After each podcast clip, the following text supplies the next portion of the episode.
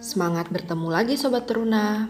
Terima kasih sudah setia mendengarkan podcast Renungan Harian Teruna GPIB Evata Guntung Payung.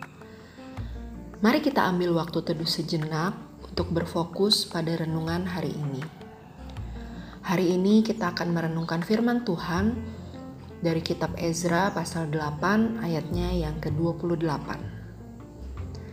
Ezra adalah seorang imam atau ahli kitab Taurat yang memimpin rombongan orang-orang buangan, yaitu bangsa Israel, dari Babel ke Yerusalem atas perintah Raja Artasasta. Ezra bertugas menata kehidupan umat saat itu dalam bidang peribadatan dan kehidupan bangsa itu. Ezra memilih 12 orang pemuka agama untuk membantunya mengatur tempat dan prosesi peribadatan. Ia dan para pemuka agama mempersiapkan segala perlengkapan peribadahan.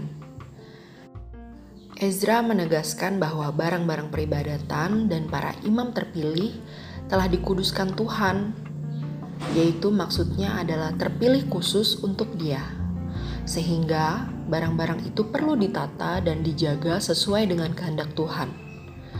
Para pemuka juga diminta untuk hidup dalam kekudusan, yaitu dengan mengikuti perintah Tuhan serta merawat secara khusus barang-barang peribadatan. Dari kisah itu, kita ingin diingatkan Tuhan bahwa menjaga dan memelihara kekudusan diri dan peribadahan merupakan sesuatu yang sangat penting.